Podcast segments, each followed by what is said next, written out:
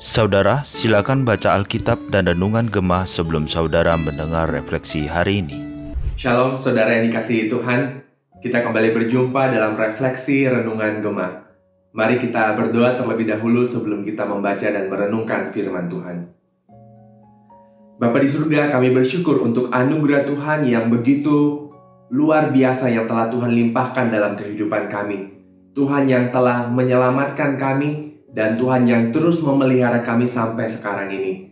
Bahkan pada hari ini kami boleh kembali membaca sedikit dari firman Tuhan, boleh kembali merenungkannya bersama-sama. Kami berdoa Tuhan supaya Engkau yang lebih dulu menyiapkan hati dan pikiran kami, supaya ketika kami membaca dan merenungkan, kami boleh memahami apa yang Tuhan sampaikan kepada kami, dan kami boleh hidup seturut dengan kehendak-Mu. Terima kasih Tuhan, berfirmanlah kepada kami. Dalam nama Tuhan Yesus kami berdoa. Amin. Saudara, hari ini kita akan membaca dari Yesaya pasal yang pertama, namun saya akan membaca hanya dari ayat yang ke-18 sampai ayatnya yang ke-20. Yesaya pasal yang pertama, ayat yang ke-18 sampai ayatnya yang ke-20 berbunyi demikian. Marilah, baiklah kita berperkara, firman Tuhan. Sekalipun dosamu merah seperti kirmisi, akan menjadi putih seperti salju sekalipun berwarna merah seperti kain kesumba, akan menjadi putih seperti bulu domba. Jika kamu menurut dan mau mendengar, maka kamu akan memakan hasil baik dari negeri itu. Tetapi jika kamu melawan dan memberontak, maka kamu akan dimakan oleh pedang. Sungguh, Tuhan yang mengucapkannya. Saudara, di dalam bacaan hari ini, kita melihat Tuhan seakan-akan memanggil langit dan bumi untuk menjadi saksi terhadap kejahatan umatnya. Bagaikan anak, Israel dibesarkan dan diasuh oleh Tuhan. Tetapi mereka malah memberontak terhadap Tuhan. Bahkan dosa mereka membuat mereka bertindak lebih buruk daripada binatang. Di dalam ayat yang ketiga, Allah berfirman, "Lembu mengenal pemiliknya, tetapi Israel tidak. Keledai mengenal palungan yang disediakan tuannya, tetapi umatku tidak. Mereka lupa dan menolak Allah yang telah membebaskan mereka dari perbudakan dan membawa mereka masuk ke tanah perjanjian. Saudara, sama seperti orang Israel, kita juga bisa melupakan Allah yang telah menciptakan, menyelamatkan, dan memelihara kita. Dosa membutakan mata rohani kita dan membuat kita menjadi orang yang bodoh. Hidup dalam segala kenyamanan masa kini, kita bisa menjadi sombong dan merasa kita bisa hidup sendiri tanpa Allah.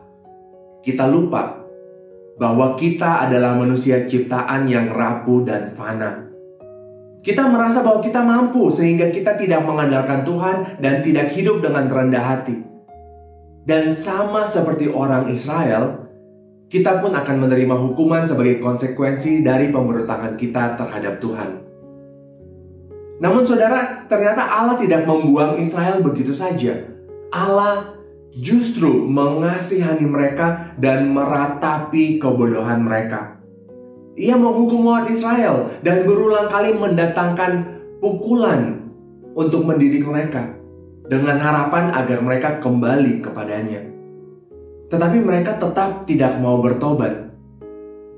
Meskipun demikian, saudara, Allah, Bapa yang Maha Kasih, tidak menghancurkan mereka dengan murkanya. Seharusnya mereka pantas dihukum seperti orang-orang Sodom dan Gomora.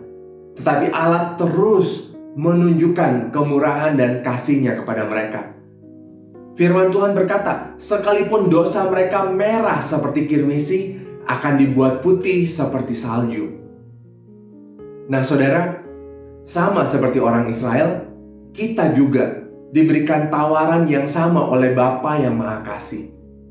Dalam hidup kita, Allah sering bahkan terus-menerus memberikan kesempatan kepada kita untuk bertobat dari dosa dan kembali kepadanya. Apakah Anda menyadari kasih Allah yang besar ini? Paulus pernah berkata di dalam Roma pasal yang kelima ayat yang ke-8, Allah menunjukkan kasihnya kepada kita oleh karena Kristus telah mati untuk kita ketika kita masih berdosa. Dengan demikian, sekalipun dosa kita merah seperti kain kesumba, akan menjadi putih seperti bulu domba.